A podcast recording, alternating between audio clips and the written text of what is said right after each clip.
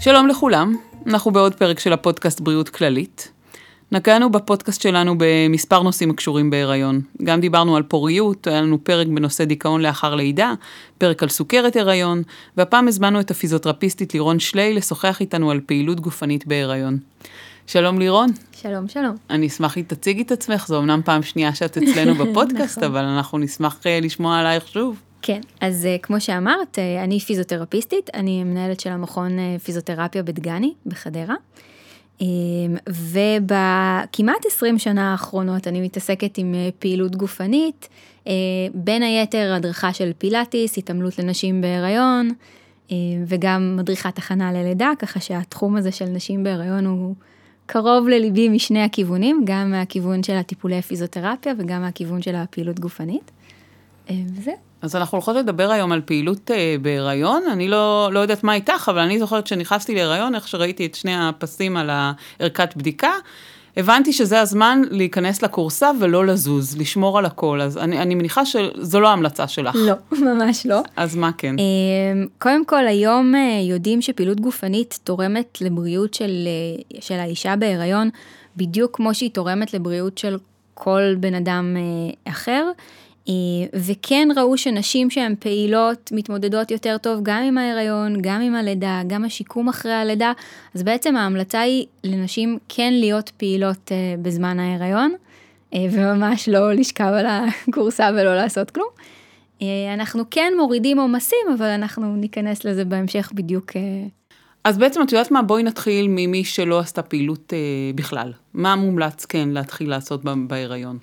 אז אה, נשים שלא היו פעילות בכלל לפני ההיריון, כמו שאמרנו, היום כן אנחנו ממליצים להם להתחיל, אבל אנחנו כן נתאים פעילויות יותר אה, מתונות. זאת אומרת, להתחיל עם פעילות כמו הליכה, כמו התעמלות במסגרת לנשים אה, בהיריון, ויש גם אצלנו במסגרת כללית אה, פעילויות כאלה, במכוני הפיזיותרפיה, וגם יש במסגרות אחרות. אבל פעילות שהיא מותאמת לנשים בהיריון, עם מדריכה או פיזיותרפיסטית שעברה הכשרה לעבודה עם נשים בהיריון, ולא בעצם לבוא ולהצטרף עכשיו לקבוצה אה, אה, כללית של נשים שהן לא בהיריון. אה, מישהי שכן הייתה פעילה לפני, ה, לפני ההיריון, זה מאוד מאוד תלוי מה הפעילות שהיא הייתה עושה, ומה העצימות שלה, ו... איך היא, איך היא עם העצימות הזאת, איך היא מרגישה עם העצימות הזאת. אז בואי נצלול קצת לסוגי הפעילויות, שבעצם אישה שכן הייתה פעילה מבחינה ספורטיבית, נכנסת להיריון. בואי קצת אה, נחש... נפרט. נפרט מה קורה.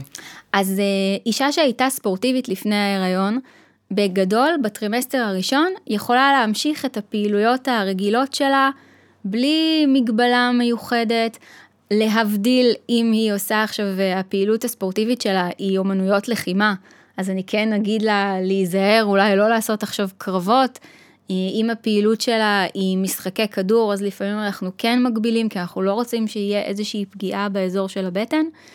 אבל בגדול בטרימסטר הראשון כן אפשר להמשיך בפעילויות הרגילות. יוגה, פילאטיס. יוגה, פילאטיס, כל הדברים האלה זה נפלא. מה לגבי ריצה?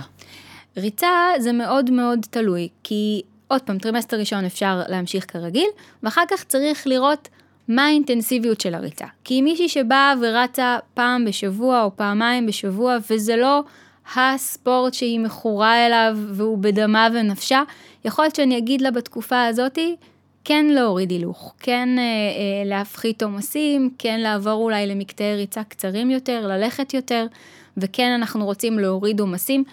אנחנו עוד מעט נדבר למה בדיוק אנחנו כן רוצים את הסוג של ההורדת עומס הזאתי.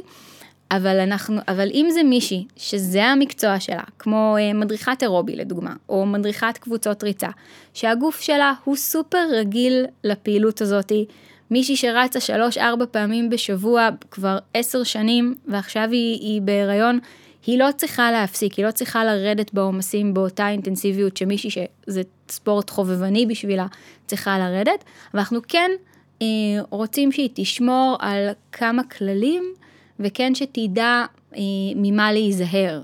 זאת אומרת, אם יש פתאום תחושה של אה, אה, סחרחורות או כאבים בעקבות הפעילות, או אם חס וחלילה יש דימום, קוצר נשימה, דברים כאלה, זה איתותים מאוד מאוד חמורים מבחינתנו אה, להפסיק פעילות, לפעמים גם אפילו ללכת לבדיקה. ונגעת בזה קצת, כל הנושא של אה, פעילות גופנית שיכולה בעצם לפגוע באופן ישיר בבטן, כמו משחקי כדור, או יש עוד פעילויות כאלה? כן, משחקי כדור ופעילויות עם אימפקט, שיש בעצם קונטקט, מגע, כמו קרב מגע וכאלה, אנחנו לא ממליצים בהיריון. עוד פעם, אם מישהי שחקנית כדוריד וזה המקצוע שלה והיא יודעת גם יותר לשמור על עצמה וזה, ה... אנחנו עושים את ההבדלה בין מישהי שזה המקצוע שלה, שהיא בספורט מקצועני, לבין תחביב. אם זה תחביב, אז אנחנו ממליצים להפסיק בתקופה של ההיריון עם, עם ספורט שהוא עם מגע או עם uh, כדור. אנחנו גם כן מגבילים לפי הסימפטומים שיש לאישה, אם יש לה פתאום אה, דליפות שתן או כאבי גב או משהו כזה, אנחנו גם נגביל את הפעילות. ואנחנו כן רוצים, אנחנו okay. רוצות להגביל, רוצים להגביל פעילות בזמנים uh, מסוימים. אם אנחנו אה, מסתכלות בעצם על ה... דיברת קצת על אה, שרירי הגן, אבל אם בעצם יש הרבה תרגילי כוח שמערבים גם את שרירי הגן, גם את אה, שרירי הבטן, מה, מה דינם בהיריון? אז אוקיי, שרירי הבטן זה שרירים שמחולקים לשכבות, יש כמה שכבות של שרירי בטן, יש שריר, שריר אחד שהולך לאורך, שזה השריר הקוביות, שאנחנו כולנו מכירים אותו, והוא נקרא שריר רחב הישר בטני. רקטוס אבדומיניס.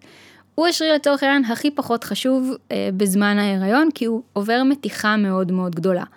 אז זה שריר שאני, אין לי כל כך מה לתרגל אותו בזמן ההיריון, זאת אומרת, אישה, אם היא תעשה כפיפות בטן, זה לא, לא יחזק לה כרגע את שרירי הבטן, כי הם במצב מאוד מאוד מתוח, אה, אז אין טעם לעשות תרגילי בטן מהסוג הזה, אה, של כפיפות בטן בזמן ההיריון.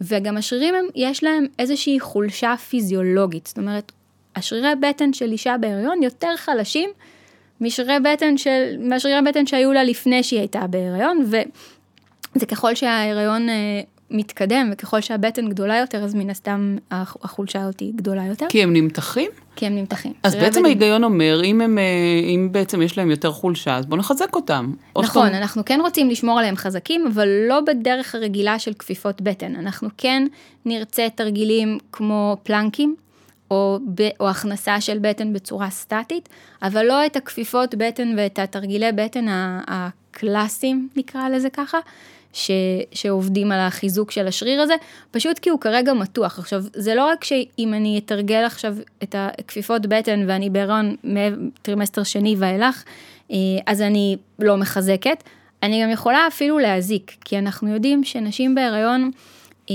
יש איזושהי הנחיה לא לשכב על הגב, בגלל שיש לנו עניין של זרימת הדם אה, לעובר. לא לשכב על הגב או לא לשכב על הבטן? לא, לא לשכב אני מדברת על לא לשכב על הגב. אוקיי. אנחנו נרחיב על זה אחר כך או עכשיו? את יכולה עכשיו. זה... עכשיו, אז בואו נקפוץ לזה כבר עכשיו.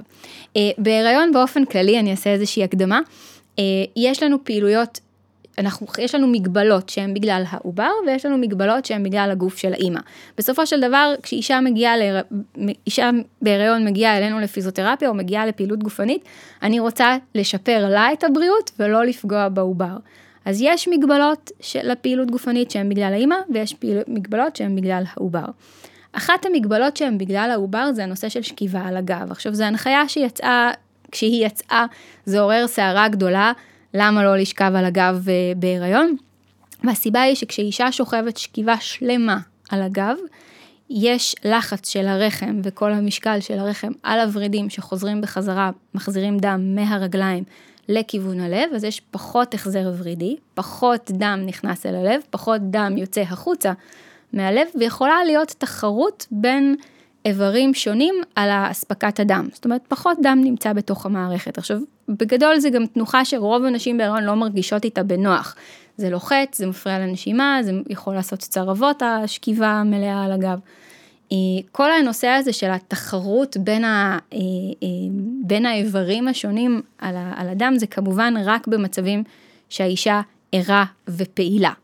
אם היא לא ערה ולא פעילה אלא ישנה בלילה וכל הזרימת דם, אז, אז גם זה מזרון רך, גם הכל זורם סבבה, לא, לא, זה אין... זה בסדר על הגב על בלילה. על הגב בלילה זה בסדר גמור, אנחנו מדברים על, על, על שכיבה ממושכת על הגב בזמן ערות ובזמן פעילות. לדוגמה, דיברנו על פעילויות שמומלצות ולא מומלצות, אז שיעורי פילאטיס, כשהם, שהם לא לנשים בהיריון אלא לאוכלוסייה כללית, חלק גדול מאוד מהתרגול הוא בשכיבה על הגב. וזה לאישה שהיא בהיריון פחות רלוונטי, כי גם אמרנו, היא לא יכולה עכשיו לתרגל שרירי בטן באותו, באותה דרך, זה פחות יעיל, וגם אנחנו לא רוצים שהיא תשכב על הגב כל כך הרבה זמן. אז כן ראו שנשים ששוכבות על הגב לזמן ממושך, שלא כתוב בשום מחקר כמה זה זמן ממושך, כל אחד יתייחס לזה אחרת, יכולה להיות ירידה באספקת הדם לאיברים הפנימיים, שהשיליה זה אחד מהאיברים האלה.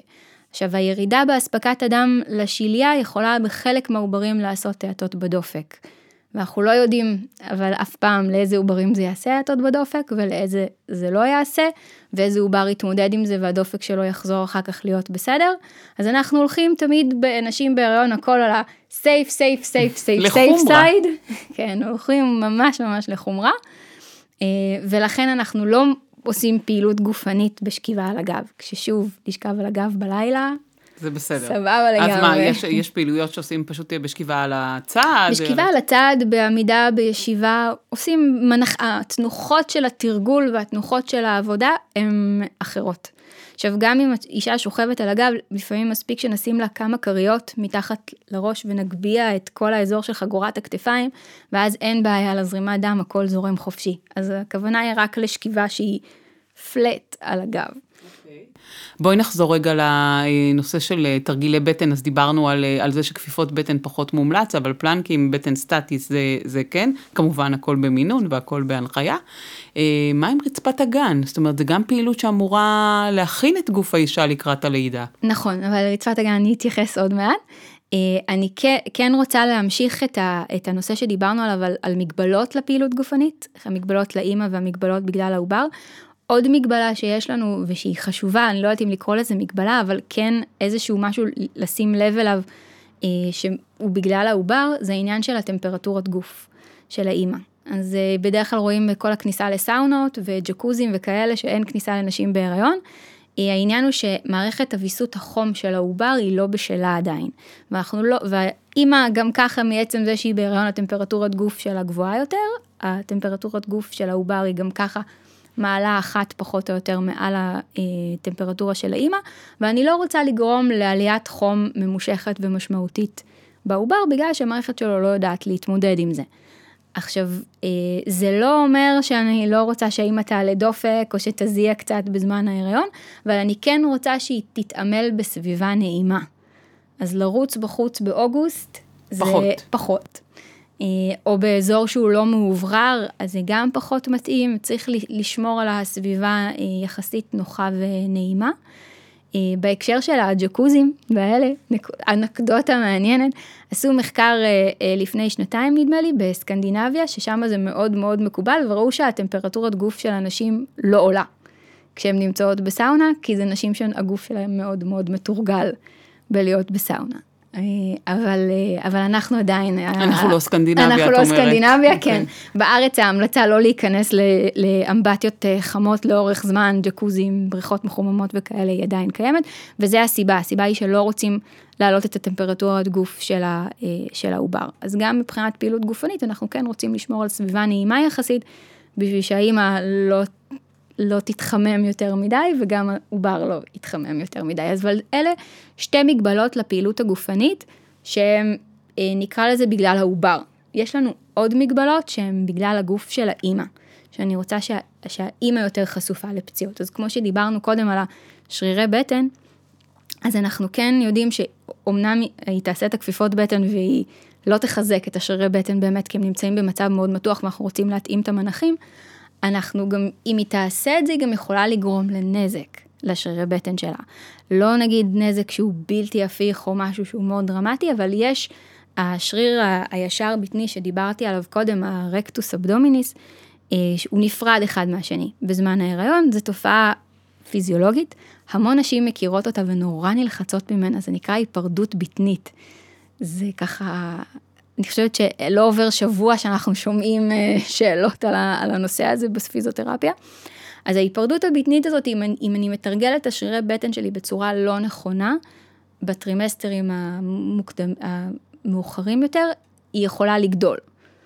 אז ההיפרדות הזאת של שרירי בטן שהם ככה נפרדים אחד מהשני בהיריון, ונשים אחרי הלידה נורא נורא לחוצות לאיך להחזיר את זה כמה שיותר מהר, אז זה אם אנחנו מתרגלים שרירי בטן בצורה לא נכונה בהיריון, זה יכול להחמיר. יהיה לנו פה פרק גם על אה, אה, ניתוחי, ניתוחים פלסטיים וניתוחי עיצוב גוף, אז הוא גם מדבר בעצם, הפלסטיקאי, על הנושא של קשירת השריר הזה. אז אני, אני לא אעשה ספוילר, כי אנחנו מתנגדים, אנחנו פחות, פחות בעד. אבל את השריר הזה, עוד פעם, שנה אחרי הלידה, יש הזדמנות לסגור את זה, זה עדיין יכול להיסגר אה, לבד. כן, אם עושים ניתוח של שאיבת בטן וכל מיני כאלה, אז תופרים בדרך כלל את השריר הזה על הדרך. אה, אבל זה בעיה בעיקר אסתטית. אה, כל עוד השריר אה, הוא חזק ושאר השרירי בטן חזקים ותומכים, לא ראו שזה עושה איזושהי השפעה מאוד מאוד גדולה. זה כן יכול לשים את האישה בסיכון קצת יותר גבוה לכאבי גב, זה יכול לשים אותה בסיכון קצת יותר גבוה לפגיעות ברצפת הגן, אבל בגדול ההיפרדות עצמה עם שאר, היא, היא עניין אסתטי, אסתטי לחלוטין. אה, כשכן יש מה לעשות עם זה. אישה שהיא אחרי לידה ועדיין נראית בחודש אה, שישי-שביעי, והיא כבר שלושה ארבעה חודשים אחרי הלידה, יכול להיות שזה לא אחוזי שומן וזה לא כלום, אלא זה רק ההיפרדות של השרירי בטן. ואז כן, בעזרת תרגול מתאים ותוכנית אה, אה, תרגול מתאימה, עוד פעם, בלי כל הכפיפות בטן האלה, אלא כן לתת לשריר צ'אנס להתחבר, היא יכולה לסגור את זה גם בלי ניתוח. אבל מה זאת אומרת הקטע האסתטי? מה, פשוט רואים שהבטן בולטת יותר באותו כן, מקום? כן, הבטן יותר בולטת, לפעמים אה, כשאישה תשתעל או תעלה לחץ תוך בטני, אז יהיה כמו בלג'ינג, יהיה בלט, זאת אומרת, תראו בטן, ומתוך הבטן כאילו יוצא איזשהו בלט, זה במקרים היותר חמורים של ההיפרדות הזאתי. אה, אבל כן, זה פשוט בטן שנראית גדולה ורפויה. אה, נשים מתארות את זה הרבה פעמים, כי יש לי עדיין את הבטן של ההיריון. אוקיי. Mm-hmm, okay. גם אחרי הלידה, זה בדרך כלל, אה, יש פה גם עניין של מתיחה של, של, של אור, מתיחה של רקמות חיבור, אבל הרבה פעמים זה גם חולשה מאוד גדולה של השרירים, ובעיקר של השריר הזה, גם הישר בטני וגם עוד, עוד שרירי בטן אחרים. אז כן נלך עכשיו לרצפת הגן? עדיין לא. זה יהיה כזה כל הזמן, אני אחכה לזה, מתי זה קורה, מתי זה קורה. מתי מגיעה רצפת הגן. אז דיברנו על שרירי בטן, אז אמרנו שיש את השריר הישר שעושה לנו את ההיפרדות ואת כל, ה, כל הצרות, נקרא לזה ככה, אבל יש שריר אפילו יותר חשוב, שהוא השריר הרחב בטני, זה שריר שהולך לרוחב, ומה שהוא עושה זה מכניס את הבטן.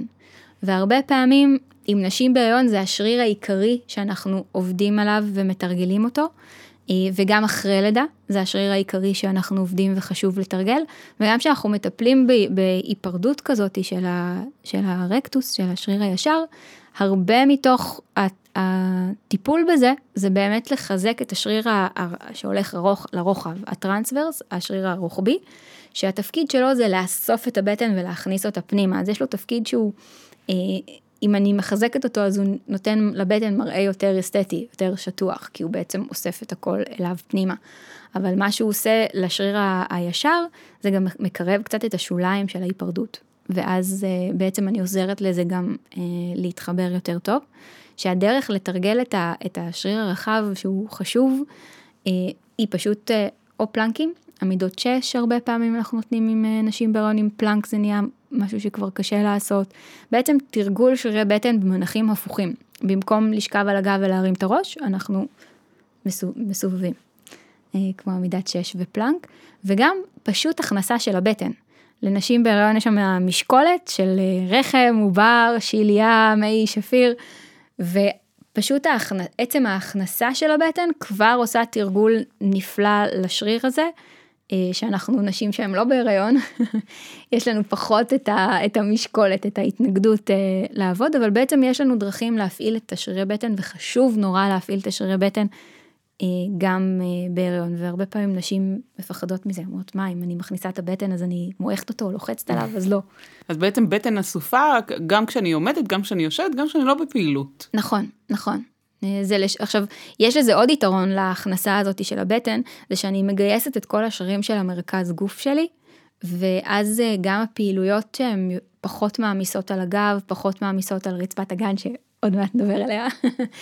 אה, אבל אני בעצם נעזרת בכל השרירים אה, כדי לשמור על עמוד השדרה וכדי לשמור על רצפת הגן, אם אני עושה עכשיו, נגיד אני רוצה להרים משהו כבד, אז עצם זה שאני קצת מכווצת ומכניסה את הבטן, מכווצת רצפת הגן ומכניסה בטן, אז אני אעשה את זה בצורה הרבה יותר בטיחותית, וזה הרגל שהוא מעולה גם לא בהיריון, אבל נשים בהיריון הרבה פעמים אה, סימפטומטיות, זאת אומרת סובלות מבעיות של רצפת הגן ומכאבי גב, ואז אנחנו רוצים לתת להם את ה...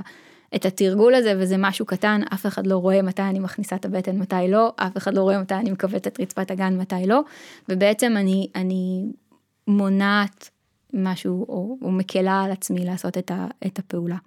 עכשיו יש לי חוב ממקודם. אה, דיברנו על אה, פעילויות, הגבלה על פעילות גופנית מבחינת האימא, דברים שמגבילים. אז אז כשיש לנו הגבלה על הפעילויות, על הפעילות הגופנית אה, בגלל האימא, בעצם נשים בהיריון, אמרנו שאנחנו כן רוצים שכמה שיותר יהיו פעילות, אבל הן גם יותר בסיכון לפציעות בשלד ובשריר. אז יש לנו אה, בעצם בהיריון, מרגע הראשון של הכניסה להיריון, אה, יש הפרשה הורמונלית של אלסטין ורלקסין, זה הורמונים. אה, שהמטרה שלהם היא לעשות אותנו גמישות יותר, כדי להרחיב את תעלת הלידה ובעצם לתת לתינוק לצאת. ההורמונים האלה שמופרשים ממש מתחילת ההיריון גורמים לנו להיות גמישות יותר, אבל זה גמישות, נקרא לזה שקרית, כי זה לא באמת גמישות שעבדתי עליה והתאמנתי עליה, זה פשוט גמישות של, הרק, של המפרקים שלי, של רקמות חיבור שלי, ולכן כשאישה בהיריון עושה מתיחות, אנחנו הרבה יותר עדינים, אנחנו מנחים אותם גם בטיפול בפיזיותרפיה וגם בפעילות גופנית, לעשות מתיחה עד תחושת מתיחה, ולא מעבר לזה. זאת אומרת, אני לא רוצה אה, שאישה בהיריון תמתח עד שהיא מרגישה ממש מתיחה חזקה, אלא אני רוצה תחושת מתיחה מתונה, כדי בעצם לא, למנ... לא לגרום לאיזושהי פציעה בשריר. חברות, תשכחו משפגת בהיריון אם לא עשיתם את זה קודם, אם לא עשיתם את זה קודם, כן. נכון. Uh, עכשיו, כן אנחנו uh, רוצות לאפשר, במיוחד uh, נשים שעושות הרבה פעמים בפעילות גופנית לנשים בהיריון, בפעילות מותאמת, מתרגלים המון שיווי משקל, אבל אנחנו גם רוצים לאפשר לאישה נקודות אחיזה, כי אנחנו, יש לנו יותר נטייה ליפול בהיריון. יש 25% מהנשים ב-2018-2019 uh, אמרו שנפלו. בזמן ההיריון לפחות פעם אחת, זה סקר שעשו אה, משרד הבריאות. זה המון. זה המון, זה המון. ואנחנו יודעים שגם המחיר של נפילה בהיריון, אם חס וחלילה קורה משהו, הוא הרבה יותר גדול, וגם האישה יותר חשופה לפציעות, אז הריון זה לא, זה זמן מועד לפורענות, נקרא לזה ככה, מבחינת נפילות. אז נגיד נעלי עקב, הסטילטו, הדקים, זה... לשכוח מזה. לשכוח מזה לתקופה מסוימת. אבל כן, גם בזמן פעילות גופנית, אנחנו רוצים לאפשר אה, אחיזה. אז אם אישה רוכבת על אופניים ועכשיו היא בהיריון, יכול להיות שאני אגיד לה, אוקיי, אם זה לא ספורט שהיא עושה באופן קבוע לאורך הרבה זמן, אלא רק התחילה עכשיו קצת רכיבות שטח, אה, קצת לפני שהיא גילתה שהיא בהיריון, אז אני יכול להיות שאנחנו גם נגיד לה, עכשיו זה לא מתאים לעבור לרכיבה בסטודיו בגלל עניין של, של שיווי משקל. אנחנו, השיווי משקל שלנו בהריון הוא משובש, פשוט הגוף גדל הרבה יחסית, בפרק זמן קצר יחסית, והסכמות של הגוף עוד לא מספיקות להתארגן אה, מספיק מהר. ואז אנחנו מאבדות את, ה, את השיווי לא, משקל. את, את צודקת, פשוט אני נזכרת עכשיו שבאמת אה, בהיריון נפלתי מאופניים, ואני רגילה לרכב על אופניים בקיבוץ אמנם, אבל באמת לא הבנתי מאיפה זה מגיע, כי בעצם השיווי משקל כנראה לא, לא היה יותר מדי באיזון. נכון, מרכז הכובד משתנה, הסכמות גוף משתנה, ובעצם אנחנו יותר, יותר רגישות אה, לנפילות.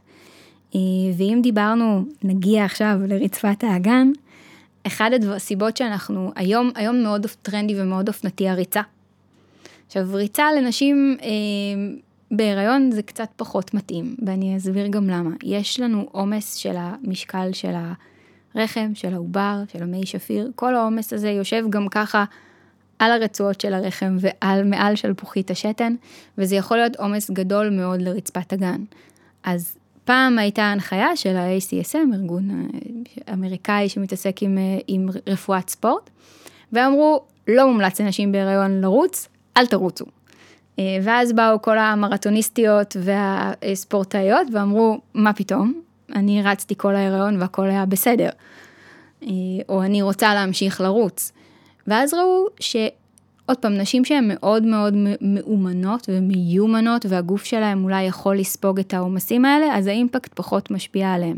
אבל רוב האוכלוסייה, אני אקח עכשיו אישה שגם ככה בהיריון, גם ככה יש לנו יותר נטייה ללכת לשירותים, גם ככה יש לנו אה, חולשה מסוימת של רצפת הגן, ואני אוסיף על זה עוד את האימפקט של הריצה, את הקפיצות האלה, והרבה פעמים נשים, זה גורם להם לדליפת שתן. אז אם יש למישהי דליפת שתן בזמן ריצה או קפיצה, גם בהיריון וגם לא בהיריון, זה לא מתאים. זה אומר שהפעילות לא מותאמת, צריך אולי קודם לחזק את השרירים ואז לנסות לחזור לפעילות, לא אמור לדלוף שתן, לא בריצה ולא בקפיצה, אה, לא בהיריון ולא לא בהיריון. אה, אבל אם עוד פעם, אם נשים בהיריון, בגלל שכל המערכת הזאת חלשה יותר, אז אנחנו יותר, אה, יותר זהירים. אז איך אנחנו מחזקים את המערכת הזו, את רצפת האגן בתקופת ההיריון? רצפת האגן. זה יכול להיות פודקאסט שלם בפני ברור, עצמו, רצפת. האגן. אה, רצפת האגן, אנחנו מדברות על זה ככה, אנחנו בחופשיות, אבל אני אעשה רגע סדר למי שאולי לא, לא מכיר ויודע. רצפת האגן זה ש- שרירים שנמצאים בקרקעית האגן, בשטח הכי הכי נמוך של הגוף. בעצם יש בהם את הפתחים, פתח לשופחה, לנרתיק ולפי הטבעת, לנו יש פתח אחד יותר מלגברים, אז אנחנו גם לפעמים חשופות יותר לפציעות. אה, שרצפת האגן היא בעצם בזמן הריון יש עליה המון המון עומס. הכל נמצא שם, יש לנו יותר נפח של נוזלים בגוף, יותר סינון, אה, סינון בכליות, יותר שתן, רחם, עובר, שליה, המון המון המון עומס שיושב על רצפת האגן. עכשיו, חולשה של רצפת הגן יכולה להתבט... בדרך כלל אה, מתבטאת למשל בדליפות שתן. אם אני עושה אפג'י ובורח פיפי, או אם אני רצה, קופצת, מרימה משהו ויש דליפות שתן, זה סימנים לחולשה של רצפת הגן.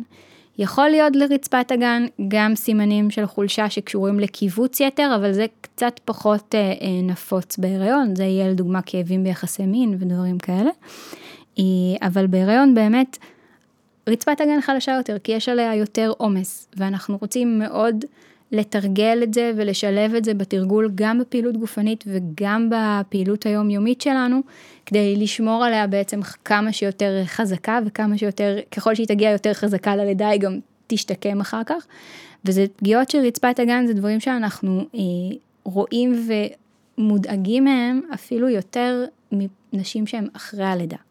זאת אומרת, נשים אחרי לידה, אם היו קרעים גדולים, אם היה, היו חתכים נרחבים, אה, אם היה איזושהי אה, פרוצדורה בלידה כמו אה, לידת ואקום, אז, אז יש פגיעה גדולה ברצפת הגן, בעצם הרצפה הזאת צריכה להימתח כדי שתינוק יצא החוצה. ואנחנו כן רוצים שהיא תהיה כמה שיותר חזקה לפני, וכמה שיותר לחזק אותה אחרי הלידה. אז בעצם את הפעילויות של אה, אה, חיזוק רצפת הגן, אנחנו מתחילים מתחילת ההיריון, או אפילו מלפני, למרות שהכובד העיקרי הוא לקראת סוף ההיריון? הפעיל, התרגולי רצפת הגן מבחינתי צריכים להיות לכולן, תמיד, כבר מ, מ, מ, מהגיל של בנות נוער אפילו. זאת אומרת, חשוב לתרגל ולחזק את זה לכולם תמיד, גם אישה בת 60 שעכשיו אה, אה, סיימה עם ענייני הלידות שלה, וגם בחורה שרק עכשיו חושבת על להיכנס להיריון, כולם צריכים את התרגול הזה. אז איך מתרגלים, איך מחזקים? אוקיי, okay, אז זה, זה נורא, מה שכיף ברצפת הגן, זה שיש לזה צד טוב וצד רע. מה שטוב זה שאף אחד לא רואה מתי אני מתרגלת. אני יכולה לתרגל, תוך כדי שאני מדברת איתך, אף אחד לא רואה, הכל זה פנימי אצלי. הדבר הש... החיסרון של זה, שגם אף אחד לא יכול להגיד לי מלהסתכל עליי מבחוץ אם אני מכווצת נכון או לא נכון. ובגלל זה בעצם יש גם פיזיותרפיה לרצפת הגן, אנחנו בודקות ומסתכלות ו... ורואות אם הקיבוץ הוא נכון או לא נכון ומתאימות תרגילי חיזוק, אבל הפיזיותרפיה לרצפת הגן היא מותאמת למי שיש לה סימפטומים.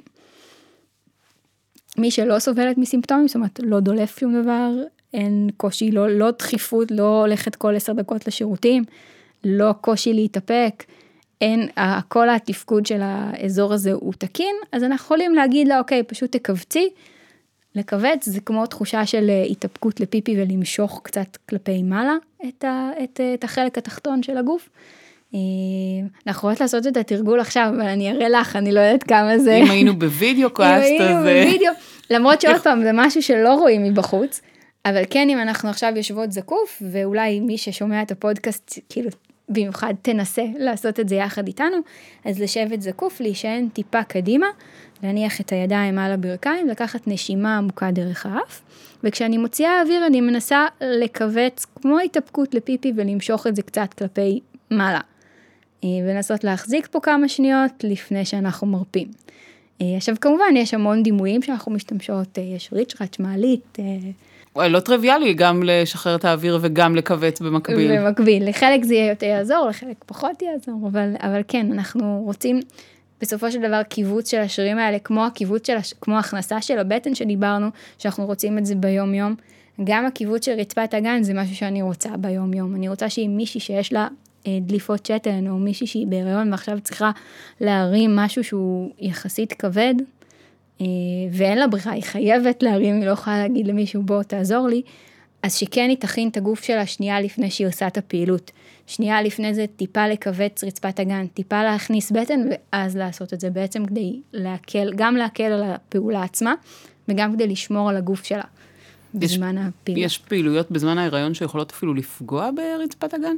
אני מניחה שהרמת משקולות... אה, הרמת משקולות וריצה ודברים כאלה, עוד פעם, כשזה בקיצון שהגוף שלנו לא מורגל לזה ושזה גורם לי לסימפטומים. אם אני מרימה משקולת של 5 קילו וזה סבבה לי לגב, זה משהו שאני רגילה אליו ולא גורם לי לא לדליפת שתן ולא לשום דבר, ולא לעצירת נשימה ואני יודעת איך לעבוד עם הגוף שלי, כנראה שזה לא יגרום לשום נזק. אם אני עכשיו בהיריון ואני מחליטה שאני אומרת, אוקיי, זה הזמן להוריד במשקל, או זה הזמן להתחיל להתחזק, ואני מרימה משקל שהוא מעבר למשקל שאני מסוגלת, או שאני מרימה משקל שהייתי מסוגלת לפני ההיריון, אבל עכשיו, כשאני מרימה אותו דולף שתן, אז, אז זה משהו שהוא כן יכול לגרום אה, לנזק, אם אפשר לקרוא לזה נזק, אבל זה כן יכול להחמיר את החולשה.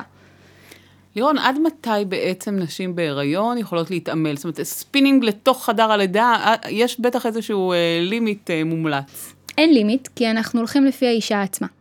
אה, אנחנו, אני יכולה להגיד לך, אני, אני לדוגמה, עם הבן הגדול שלי, עשיתי ספורט ממש עד יום לפני שהוא נולד. אה, ועוד פעם, זה תלוי, תלוי באישה, כמה היא מיומנת, כמה היא מאומנת. ואם יש לה או אין לה סימפטומים. כי אם היא עושה ספורט וכואב לה גב נורא, אז היא לא תרצה לעשות ספורט. וזה הנטייה שיש לרוב הנשים, אם דיברנו בהתחלה לקבל את ההודעה שאתה בהיריון וללכת ולשכב, רוב האנשים, הספים שלהם בזמן הריון הרבה יותר נמוכ, נמוכים. אנחנו יותר רגישות לכאב, יותר מפחדות מכאב, ויש הרבה יותר הימנעות מתנועה. בגלל שאני מפחדת שזה יכאב לי, והרבה פעמים ההפך הוא הנכון, דווקא התנועה תעזור, אבל בצורה מתונה. אז כן, אפשר להתאמן עד לרגע האחרון, מהרגע הראשון עד לרגע האחרון. השאלה היא מה עושים, והשאלה היא מי האישה. אז מתי כן? באלה, יש איזה שהם מקרים שאת אומרת, זו נורה אדומה, בוא נוריד עומס, בוא נוריד קצת מרמת הפעילות? כן, בגדול ההנחיה שלנו לכולם, היא, היא לכל הספורטאיות והמאוד פעילות, היא כן להיכנס לפרופורציות, וזה זמן להוריד פעילות. אם הזכרתי קודם, זה לא זמן לעשות עכשיו דיאטה או להיכנס לכושר, זה זמן לשפר קצת, אם לא עשינו כלום עד עכשיו, או לשמור על הרמה של הכושר, אבל זה לא הזמן עכשיו ללכת לעשות איזה תחרות, או, או להשיג איזה achievement. זאת אומרת, אם נרשמתי לסובב כנרת, בוא, בוא נדחה את זה בוא קצת. בוא נדחה את זה קצת, כן. אה, בוא, בוא נדחה את זה קצת. אבל כן, אנחנו רוצים תוך כדי אה, פעילות גופנית, להפסיק באופן מיידי, אם יש דופק לא פרופורציונלי, אם יש קושי בנשימה, אם יש סחרחורת, כאבים, דימום, חולשה, כל הסימנים האלה זה נורות אדומות של להפסיק עכשיו את הפעילות שאני עושה. וללכת להיבדק כמובן. וללכת להיבדק, כן. גם ירידה בתנועתיות עובר, עוד פעם, להפסיק הכל עכשיו וללכת להידבק, להיבדק. אה, כל שאר הדברים, אם אני לדוגמה מאוד מתנשמת, מאוד מתנשפת, יכול להיות שזה בסדר, אבל אני ארצה כן להוריד עומסים. אני בעצם רוצה, עם נשים בהריון אנחנו עובדים על סביבות 60 אחוז, 65 אחוז מדופק מרבי, שאני חושבת שדיברנו על זה בפודקאסט של ההליכה, אני לא סגורה על זה, איך, איך יודעים, הרי רובנו לא מסתובבים עם שעון דופק, אה, אבל יש מבחן אה, דירוג מאמץ ודיבור. אישה שאני אומרת לה עכשיו תדרגי כמה קשה לך מה שאת עושה, והיא אומרת לי בין 1 ל-10 קשה לי 9-10, אני אגיד לה אוקיי תורידי עצימות. תגיד לי עכשיו אחד, הכל סבבה, אני יכולה להגיד לה תעשי קצת יותר קשה. ואנחנו רוצים להישאר סביב דירוג סובייקטיבי של 5-6, אולי להיכנס ל-7, אבל אני לא רוצה שאישה עכשיו תגיד לי לא, אני נקרעת. זה לא המטרה. ומה זה מבחן הדיבור? מבחן הדיבור שדיברנו עליו בפודקאסט של ההליכה, זה אה, היכולת לדבר תוך כדי, זה למאמצים אירובים. מה שדיברתי על, ה, מה שדיברנו עכשיו על הדירוג בין 1 ל-10, דירוג סובייקטיבי זה גם למאמצים אירובים וגם למאמצים אנאירובים של משקולות וכאלה, אה, או תרגילים. ומבחן הדיבור הוא ספציפי ל, ליכולת אירובית, וראו שיש קורולציה בין היכולת שלי לדבר לרמת דופק שאני נמצאת בה. ככל שאני בדופק יותר גבוה, היכולת שלי לדבר תוך כדי מאמץ היא קטנה יותר. עכשיו, אם אני הולכת והכל סבבה ואני יכולה לנהל שיחה שלמה, כנראה שאני לא מתקרבת לדפקים, אה, לאחוזי דופק גבוהים כל כך, ואני נמצאת איפשהו במאמץ שהוא קל. אם אני מעלה את האינטנסיביות של ההליכה שלי קצת, ואני הולכת ככה יותר אינטנסיבי, ואני כבר אצלי, אני יכולה עדיין לדבר, אבל אני לא אדבר שיחת נפש ולא, זה לא יזרום לי בקלות, אז אני נמצאת סביב דרגת מאמץ של 5-6. אם אני כבר פוגשת תוך כדי הליכה מישהו ואני לא אצליח להגיד לו, בקושי אצליח להגיד לו שלום, אז אנחנו כבר נמצאים בדרגה יותר גבוהה. ככה בעצם לפי היכולת שלנו לדבר תוך כדי המאמץ, אנחנו יכולים לקבוע עד כמה המאמץ הוא, הוא מתאים לנו או לא.